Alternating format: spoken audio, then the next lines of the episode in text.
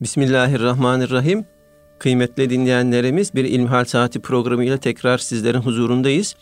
Yüce Rabbimizin selamı, rahmeti ve bereketi üzerimize olsun. Efendim sizlerden bize ulaşan sorulara değerli hocamız Doktor Ahmet Hamdi Yıldırım cevap veriyor. Muhterem hocam, ilk sorumuz şöyle. Hocam selamun aleyküm diyor dinleyicimiz. Bir soru soracaktım. Her pazartesi ve perşembe günü ameller Allah'a arz olunur. Din kardeşiyle arasında düşmanlık bulunan kişi dışında Allah'a şirk koşmayan her kulun günahları bağışlanır. Meleklere siz şu iki kişiyi birbiriyle barışıncaya kadar tehir edin buyurulur. Müslim'de Ebu Davud'da geçen bir e, hadisi e, zikrediyor dinleyicimiz. Bu hadisi nasıl anlamamız gerek? Yani o kişiler küs vefat ederlerse iyi amelleri hiç kabul olmayacak manasında mı? Yoksa Allah'ın rızasını kazanacak derecede de derece de olmaz, ekstra dereceler sevaplar alamaz manasında mıdır? Yani bekletiliyor ama sonrasında ne olacak diye merak ediyorum. Çünkü ister istemez çoğu insanın dargın olduğu kimseler var. Bu kişiler barışmaz ise amelleri ne olur? Elhamdülillahi Rabbil alemin ve salatu ve selamu ala Resulina Muhammedin ve ala alihi ve sahbihi ecmain. Şimdi kardeşimiz çok isabetli bir soru sormuş. Bu soruya cevap vermeye çalışalım. Öncelikle şunu belirtmek gerekir ki ayeti kerimeler olsun, hadisi şerifler olsun. Bunları anlamak, yorumlamak ve bunlarla amel etmek bütün Müslümanların üzerine düşen vazife. Fakat öncelikli olarak alimlerimizin bu işiyle meşgul olmaları gerekiyor. Tarih boyunca da ayetlerin nasıl anlaşılması gerektiği, hadislerin nasıl kavranılması gerektiği ile ilgili alimlerimiz çaba sarf etmişler. Eserler vermişler, kitaplar yazmışlar. Onların eserlerinden okuduğumuz, anladığımız kadarıyla bizler de değerli kardeşlerimiz de bu meseleleri gündeme getirip paylaşmaya çalışıyoruz. İmam Gazali Hazretleri'nin bu hususta çok önemli bir risalesi var. Hacim olarak küçük ama derinlik olarak çok büyük bir eser. İmam Gazali biliyorsunuz Hüccetül İslam diye anılan İslam'ın delili, burhanı, İslam'ı herkese kabullendiren anlamına gelen bir lakapla, bir ünvan ile anılıyor. Kendisi 5. asrın müceddidi adeta. Her ne kadar 6. asrın başlarında 505'te vefat etmişse de yazmış olduğu devasa eser İhya Ulumiddin 5. asrın sonlarında yazılmış bir eser. Hocam e, sözünüzü balla kesiyorum.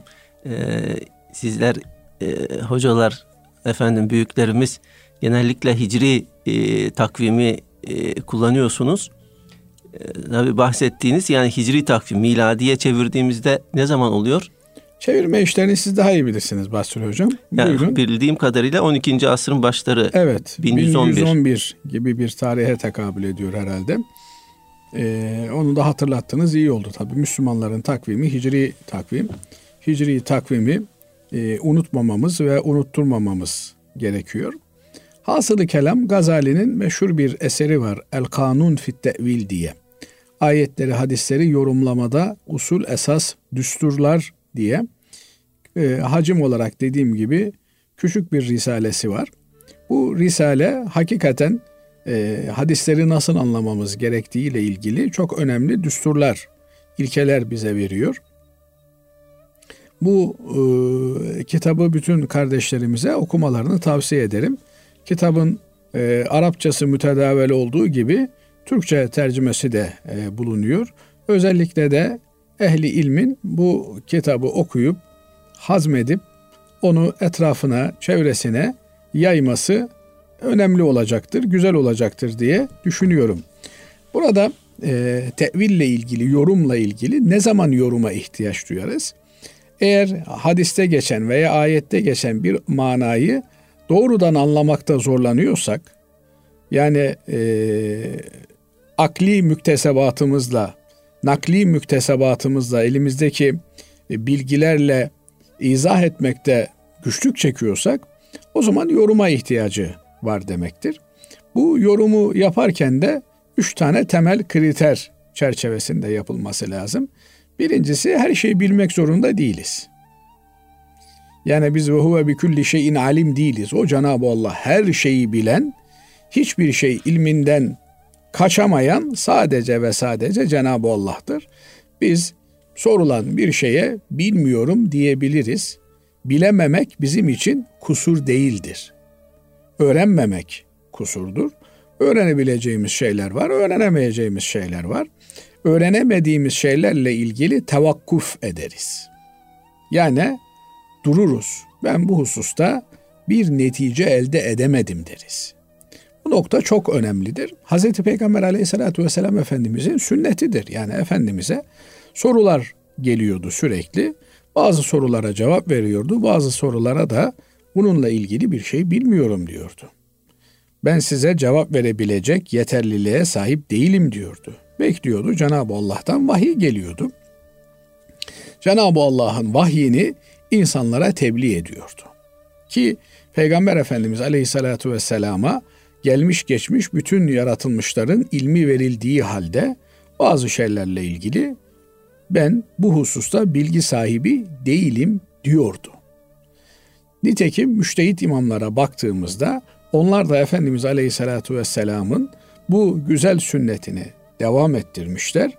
Kendi bilgilerinin yeterli olmadığı yerde bu hususta ben bir şey söyleyemeyeceğim demişler. Ama bugün bir soru sorulduğunda bilmiyorum dediğinizde çok ters anlaşılıyor. Ne demek bilmiyorsun? Bilmek zorundasın. Bir cevap vermek zorundasın. Böyle beni cevapsız bırakamazsın. Bir çözüm bulmak zorundasın diye. Evet, e, ümmeti Muhammed problemlerine e, Allah'ın dini çerçevesinde çözüm bulmakla mükellef. Bu mükellefiyet öncelikle alimlere düşer.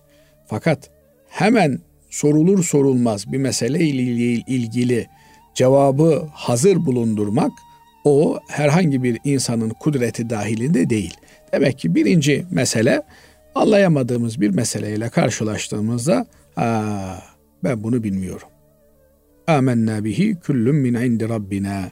İman ettim. Hepsi Rabbimizdendir. Bundan ne kastedilmiş? Bunu en güzel Rabbim bilir. Ben anlayamadım. Böyle bir duraksama bir Müslüman için bize gerekiyor. Her şeyi bilmemiz mümkün değil. İkincisi bir yorum yaptığımızda, bir izah yaptığımızda bu budur, bundan başkası olmaz diye kesin konuşma imkanımız da yoktur. Bu Allah'ın bana ilhamıdır. Allah'ın benim kalbime koymuş olduğu bilgidir. Ben bunu söyleyebilirim. Ee, bunun dışında bir şey de olabilir. Bu da olabilir. Hiçbiri de olmayabilir. Dolayısıyla e, bu tür zanni dediğimiz, kesin olarak manasını anlayamadığımız, yorumlamak durumunda olduğumuz şeylerle ilgili e, yaptığımız yorumlar bağlayıcı yüzde yüz böyledir türünden yorumlar değildir. Nitekim alimlerimiz bunlarla ilgili farklı farklı izahatta bulunmuşlardır. Bize düşen iman etmek ve en kabule şayan olanı kabul edip onunla hareket etmektir. Üçüncüsü ve en önemlisi de akılda, nakilde, rivayette, ayette, peygamberden sadır olan hadis de Allah'ın vahyidir. Dolayısıyla akılla nakil birbiriyle çelişmez. Eğer çelişir gibi gözüken bir yer varsa bu bizim için böyledir. Bizim de bunu aklın mutlak verileriyle naklin, rivayetin sahih olanı karşı karşıya geldiğinde Kur'an ve sünnette karşılığı olacak bir şekilde yorumlamaya tabi tutmamız gerekir. Şimdi bu temel meseleyi e, izah ettikten sonra belki biraz uzattık dinleyenlerimiz haklarını helal etsinler. Bu kardeşimizin sorusuna dönecek olursak, Müslümanların birbirleriyle konuşmamaları Allah katında kabul edilebilecek bir durum değildir. Ne kadar ağır bir imtihandan geçiyor olursa olsun, Müslümanlar birbirleriyle selamı, sabahı ve birbirlerine iyilik yapmayı, ihsanı terk edemezler. Bakın size Kur'an-ı Kerim'de geçen bir meseleyi burada misal olarak anlatayım. Hz. Peygamber aleyhissalatu vesselam Efendimizin kayınpederi hanımının babası Hazreti Ebu Bekir Efendimiz hepimiz tanıyoruz. Sahabe-i kiram efendilerimiz içerisinde zirve şahsiyet. Bu Ebu Bekir Efendimiz Efendimiz Aleyhisselatü Vesselam'ın Hazreti Peygamber'in hanımı, kızı Ayşe'ye radıyallahu teala anha iftira atıldığında çok ızdırap çekmiş. Bir taraftan Efendimiz Aleyhisselatü Vesselam hanımına iftira atılıyor. O ızdırap çekiyor. Bir taraftan hanımı Ayşe validemiz ızdırap çekiyor.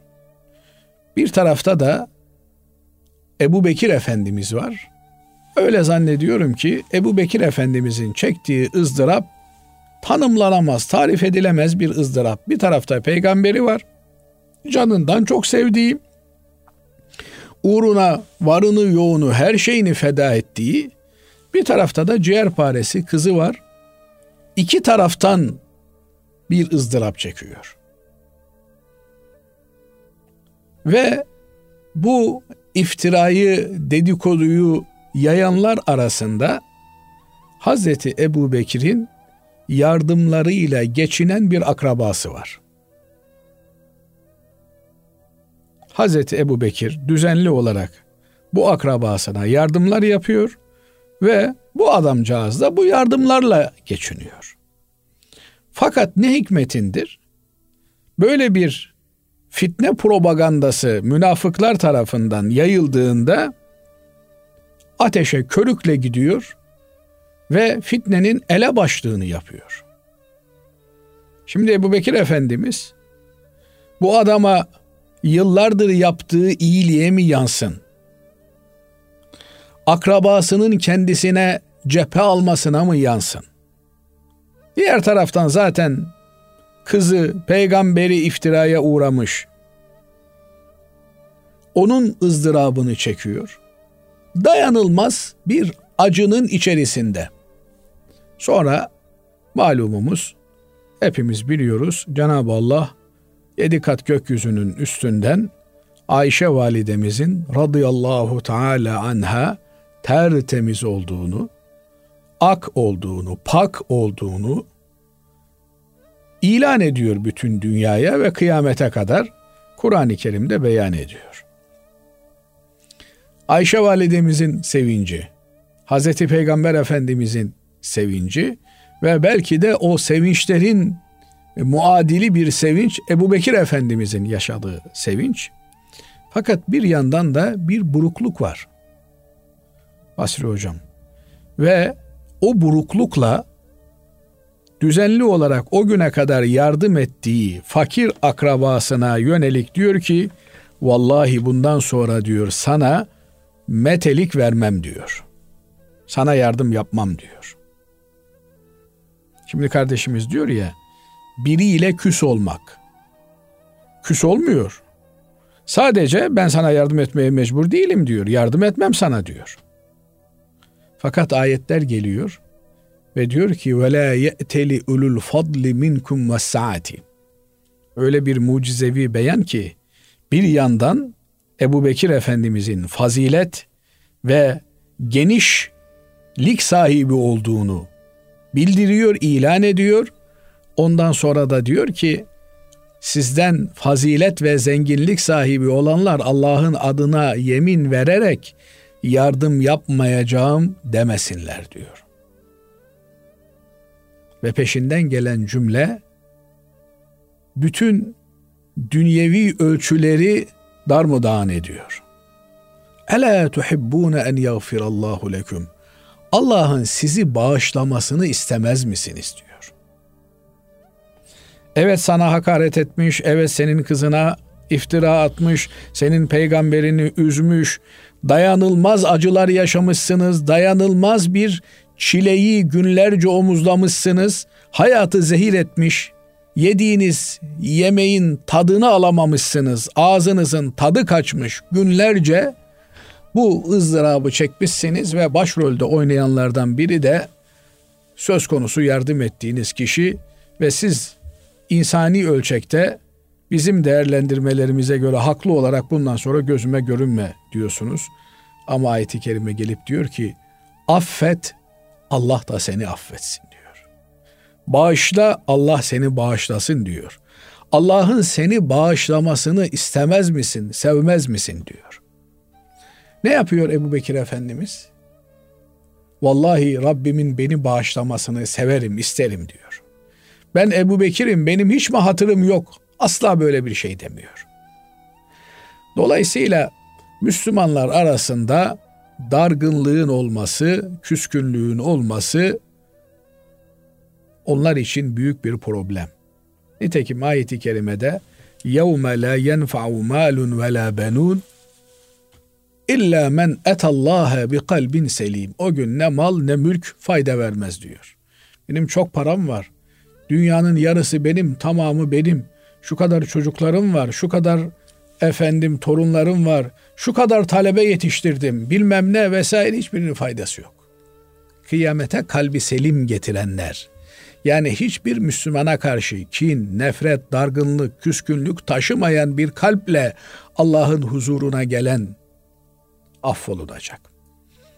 Niye dargın olanların, iç hesap tutanların, kin biriktirenlerin amelleri kabul olmuyor? Yani askıda bekliyor.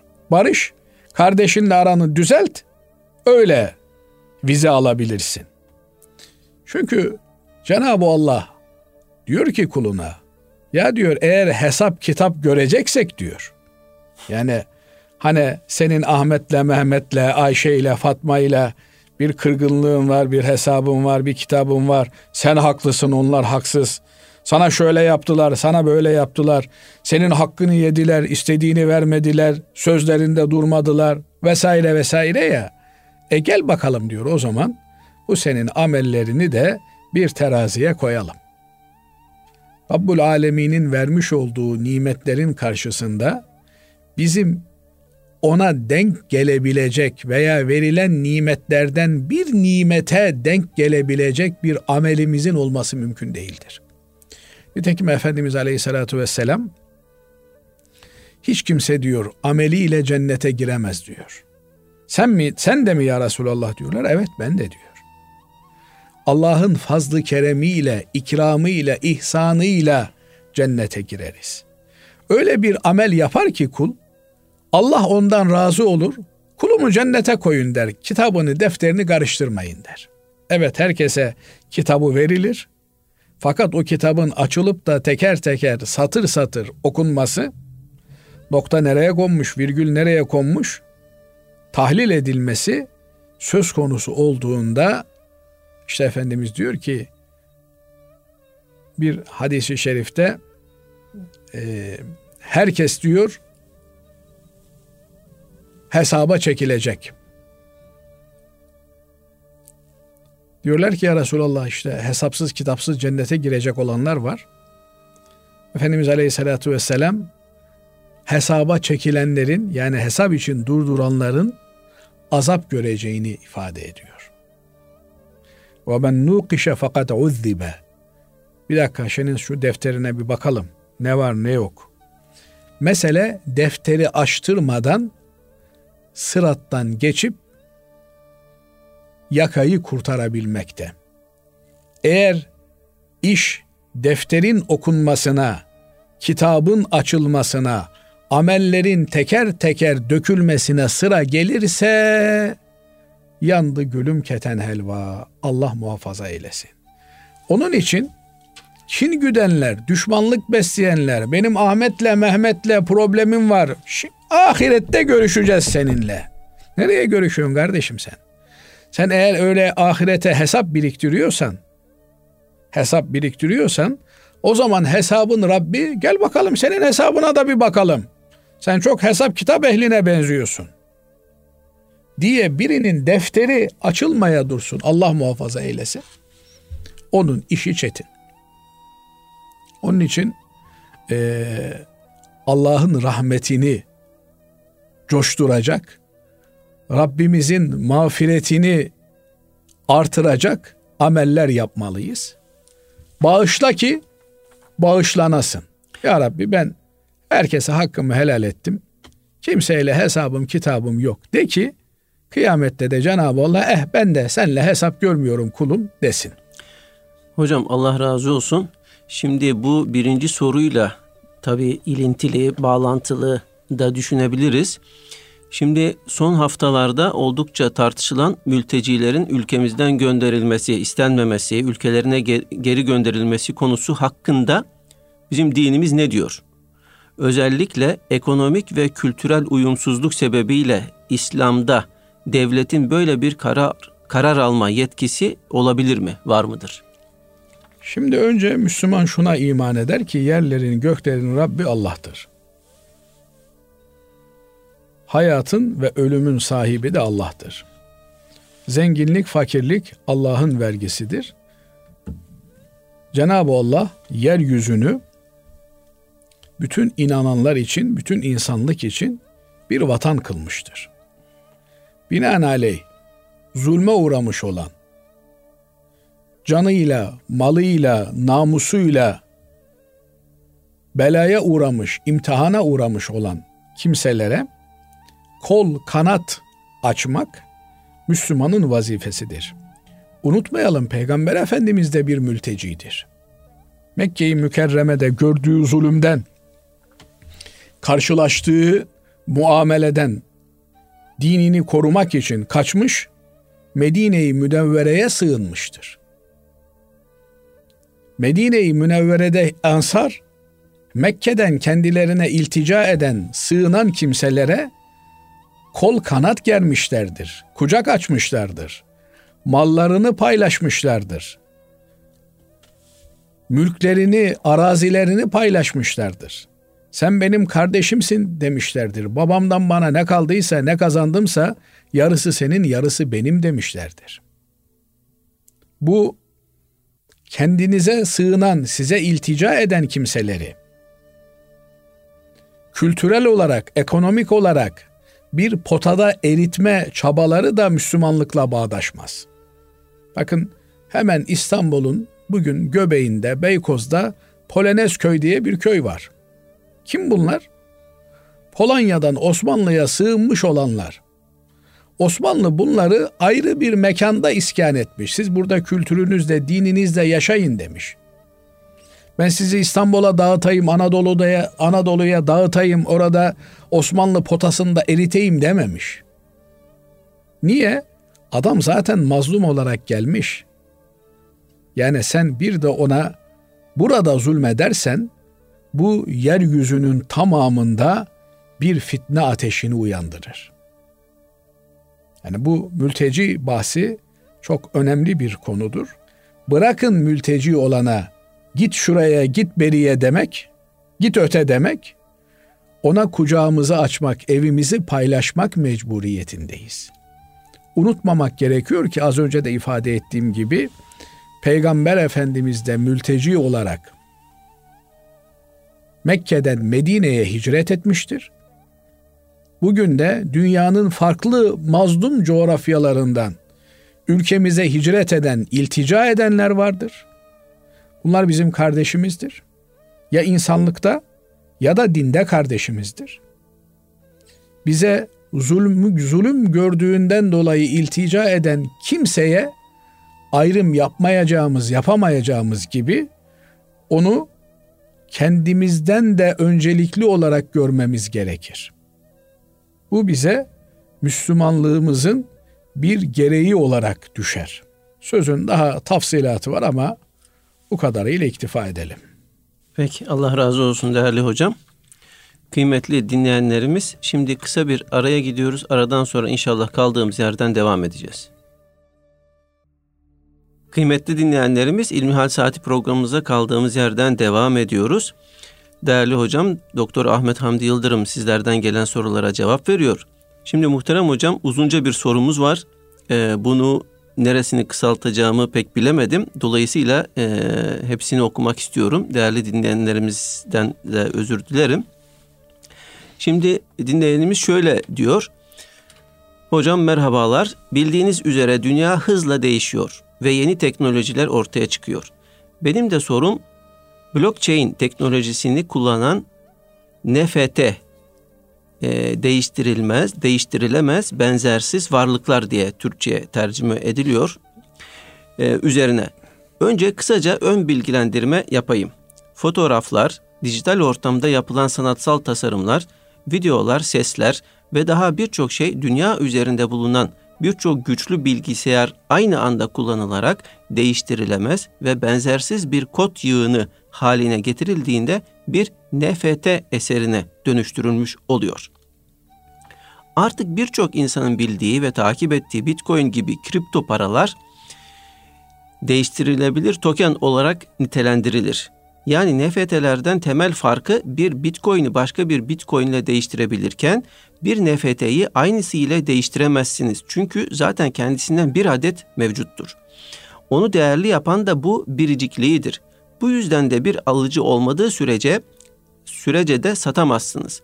Yaygın bir soru olarak sorulan mesela direkt olarak indirebileceğimiz bir görselin neden NFT'sine yüksek miktarda ücretler ödeyerek sahip olalım sorusuna yine yaygın bir cevap olan Mona Lisa örneğini verilebilir. Her ne kadar Mona Lisa'nın her yerde kopyaları bulunsa da bu kendisinin değerini değiştirmemektedir ve insanlar hala böyle eserlerin orijinaline özel bir değer vermektedir. Aynı şekilde bir NFT de orijinal bir dijital Mona Lisa tablosudur denebilir.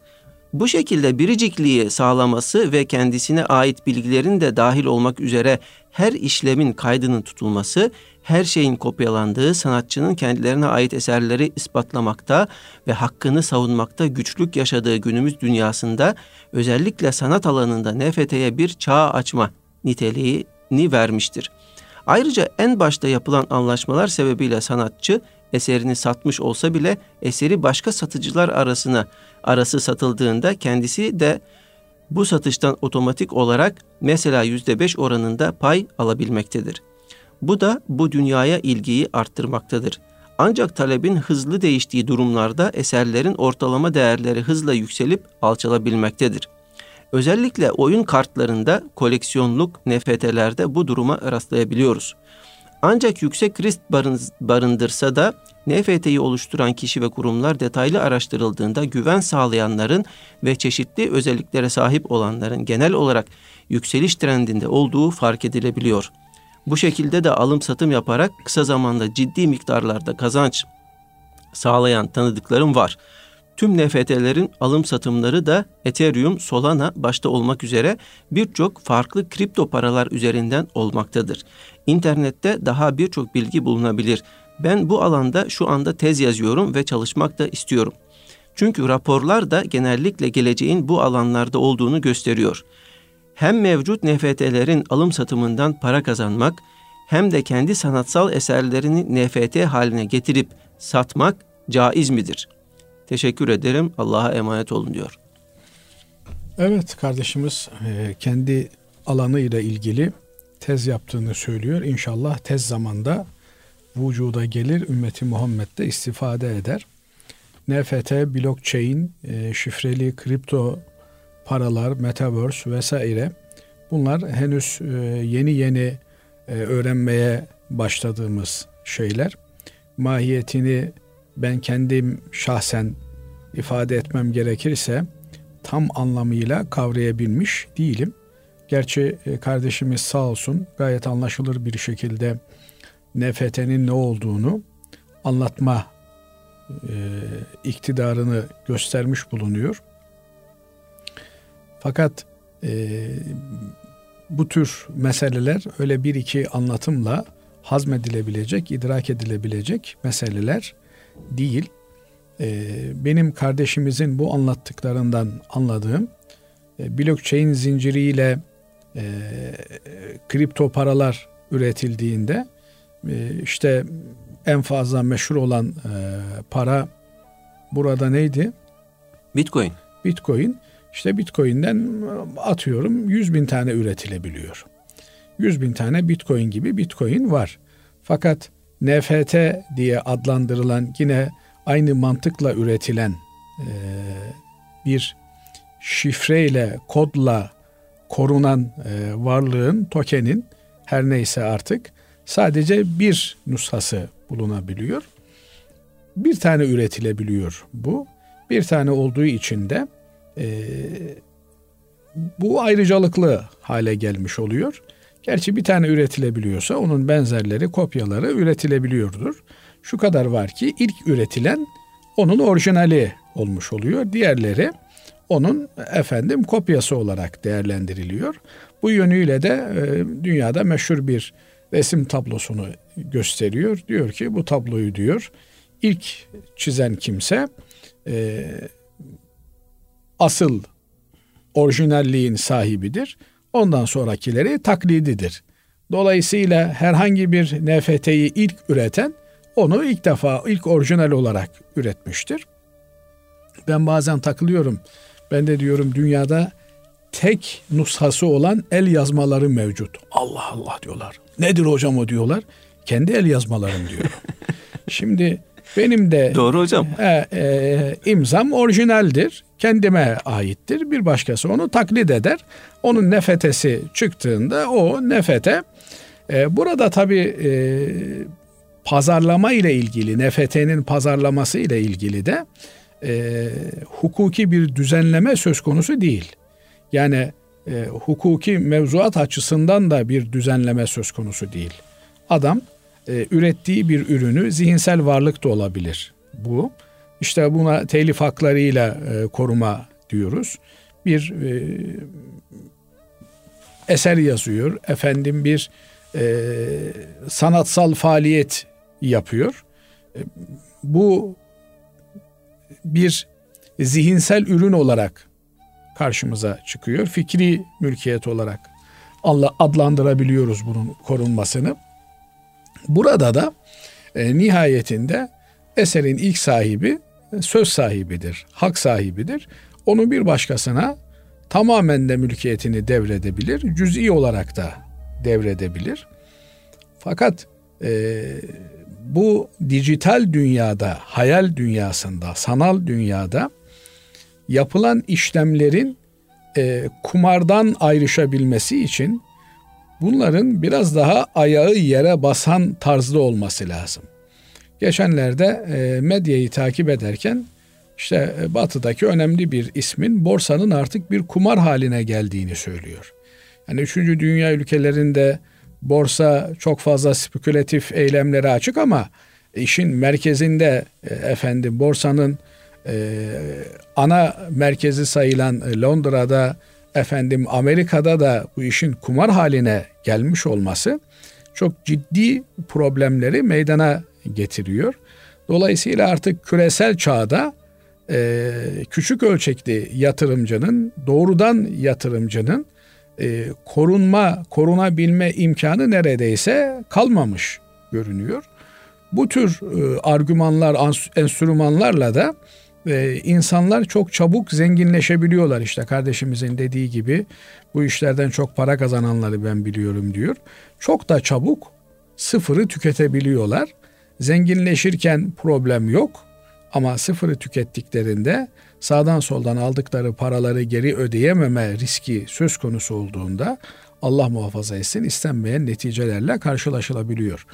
Dolayısıyla e, pek parlak olarak e, görmüyorum bu alemde dönen şeyleri. Bunların biraz daha ayağının yere basan, gerçek alemde de, reel dünyada da karşılığı olan veya koruması olan bir şablona dönüştürülmesi kanaatindeyim. Fakat bu meseleler üzerinde çok daha konuşulacak, edilecek. bu haliyle, bu yapısıyla e, Bitcoin'den daha iyi durumda olduğunu söyleyemem. Yani bugün Diyanetimiz Bitcoin ile ilgili biliyorsun henüz e, helal diyebileceğimiz seviyede değil diye bir e, görüş yayınlamış durumda. NFT'nin Bitcoin'den daha iyi bir durumda olduğunu söyleyemem. Ben de söyleyemem. Herhalde Diyanet yetkililerimiz de, Diyanet Yüksek Din İşleri Kurulu üyelerimiz de bu noktada e, henüz bir karar verebilecek olayın netliğe ulaştığını söyleyemezler. Kardeşimiz çalışmalarına devam etsin. Bu konuyla ilgili sadece NFT'nin işleyişini değil, NFT'ye hüküm vermek için gerekli olan e, döneleri de ortaya koymaya çalışsın. İnşallah e, daha ayağa sabit yere basan insanların aldanma ve aldatılma, bilinmezlik unsurlarını bertaraf eden hale dönerse e, onun da bir kıymeti harbiyesinin, kıymeti ilmiyesinin olması muhtemeldir. Evet. Değerli hocam, efendim şimdi e, dinleyicimiz şöyle bize yazmış. Bayramlarda akraba ziyaretlerinde ihtilat ortamı oluyor. Hiç gitmemek mi daha iyidir diyor. Evet sılayı e, rahim e, önemli ibadetlerimizden biri. Dargınlık, küskünlük e, olmamalı. Zaten akrabaların e, tabiri caizse birbirlerini arayıp sormamalarından ötürü dini hassasiyetlerin zayıfladığını görüyoruz. Dolayısıyla eğer ihtilat gibi yani kadın erkek karışık ortamların olduğu akraba ziyaretlerinden kardeşimiz endişe ediyorsa bu ziyaretleri daha fazla artırmalı.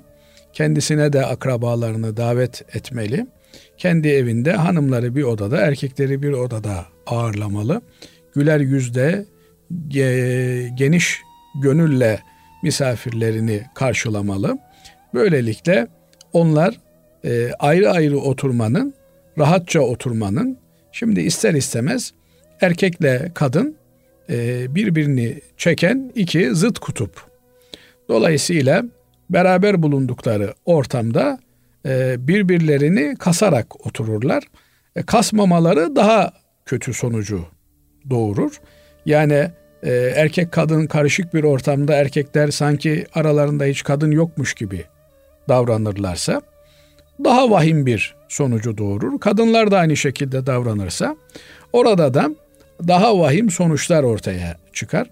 Halbuki dinimiz kadınların kadınlığını muhafaza etmesini, erkeklerin erkekliğini muhafaza etmesini istiyor. Erkek genlerinin bozulmamasını, kadın genlerinin bozulmamasını istiyor. Bu tür karışık ortamlar insanlar oturup kalktıkları insanlardan etkilenirler. Bugün bazen e, konuşurken işte senden pozitif enerji aldım, negatif enerji aldım filan diye bu tür ifadeleri kullanınca zannediyoruz ki o e, doğru şeyler söylüyoruz. Halbuki insanlar birbirinden etkilenir. Nasıl e, hastalıklı bir insan ortama girdiğinde hastalığı bulaştırıyorsa aynı şekilde e, karakterini de bulaştırıyordur. Erkeklerle beraber yetişmiş olan bir kız çocuğu bakıyorsunuz bir müddet sonra erkeksi tavırlar ortaya koyuyor. Efendim e, ve bakıyorsunuz yani erkekler için makul olduğundan, doğru olduğundan söylemiyorum ama erkekler gibi küfür etmeye başlıyor. Onu da işte bir marifetmiş gibi sergiliyor. Yine kızlarla beraber büyümüş büyümüş olan bir erkek çocuğu bir müddet sonra bakıyorsunuz e, feminen tavırlar sergilemeye başlıyor. Dolayısıyla bu işi dinimiz kökünden çözmüş. E, akrabalık bağıyla birinci dereceden birbirlerine bağlı olanlar hariç kadınlar erkekler ayrı ayrı ortamlarda bulunmalılar. Evet çarşıda pazarda ister istemez aynı yolu kullanıyoruz. Aynı güneşin altında yürüyoruz. Burada da dikkatli olmamızı, usulüne, edebine, adabına uygun hareket etmemizi bize emrediyor. Ama ev ortamları, oturma ortamları, işte çay içilen, pasta içilen ortamlar rahat ortamlardır.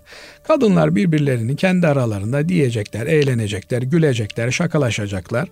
Efendim erkekler de yine kendi aralarında rahat bir e, ortamda bulunacaklardır.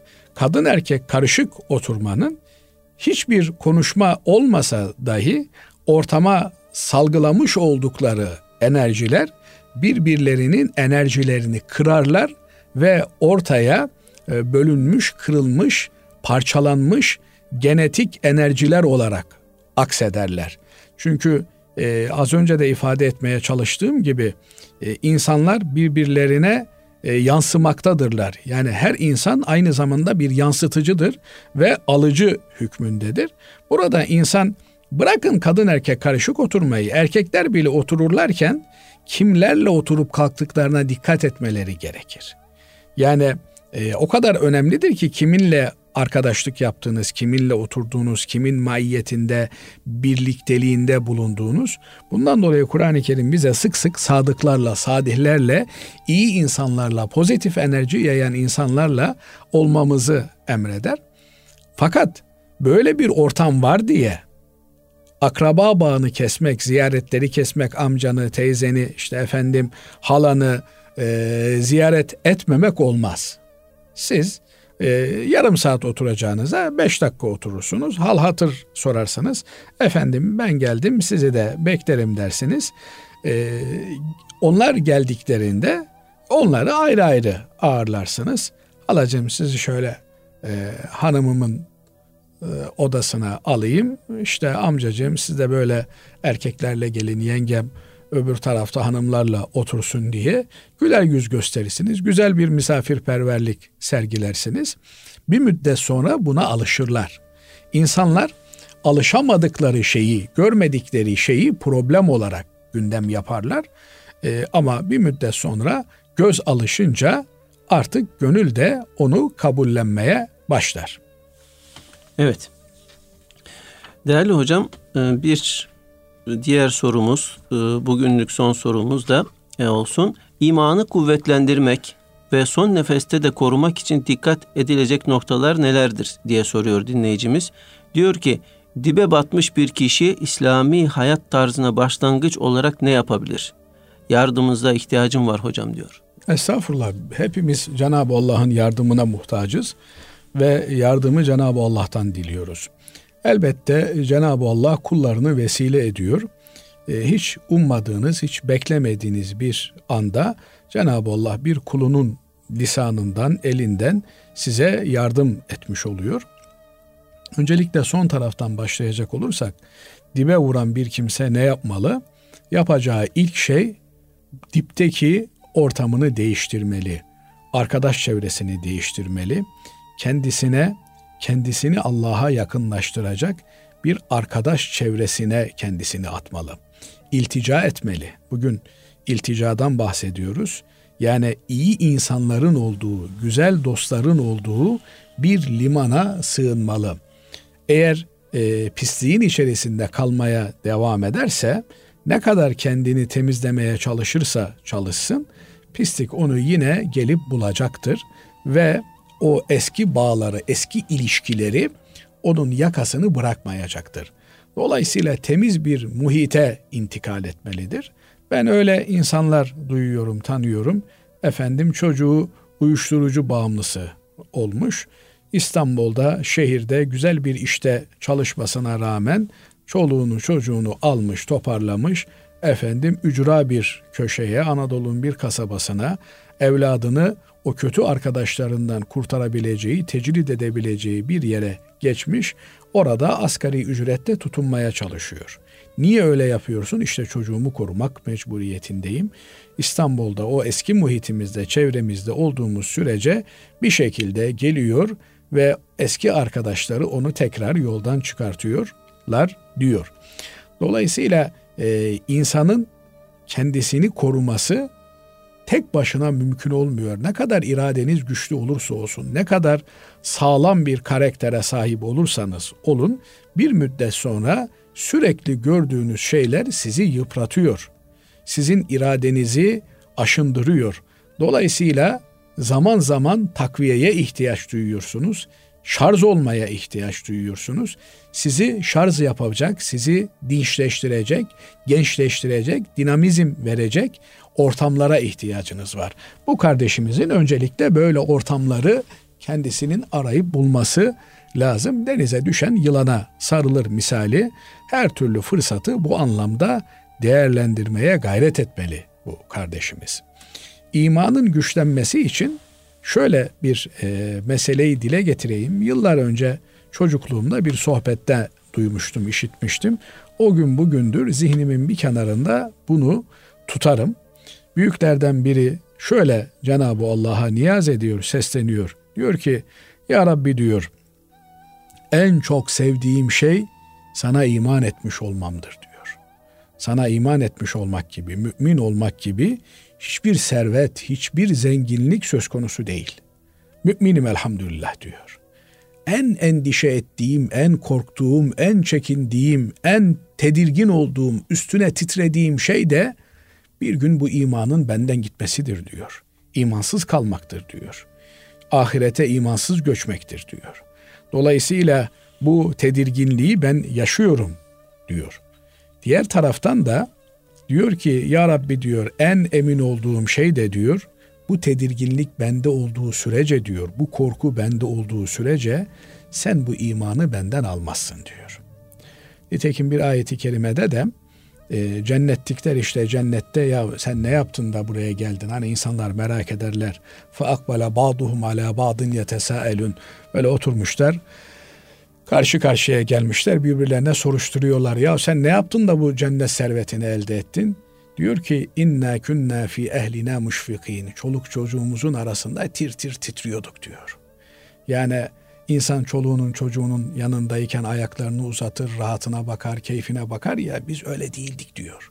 Tir tir titriyorduk. Aman Allah'ım imanlı göçebilecek miyim bu dünyadan? Çoluk çocuğum imanlı olabilecek mi? Benim zürriyetim namaz kılabilecek mi? İnsanın bu kaygıları taşıması lazım. Bu kaygıları taşırsa bir insan ne kimseyle kavga eder, küslük gösterir ne de Allah muhafaza etsin imansızlık tehlikesiyle karşı karşıya kalır. Dolayısıyla insan hayatını bu imanı koruma, kollama ve imanlı göçebilme ekseninde planlamalı, kurgulamalı. Böyle yaparsa kurtulur inşallah. İnşallah. Allah razı olsun kıymetli hocam.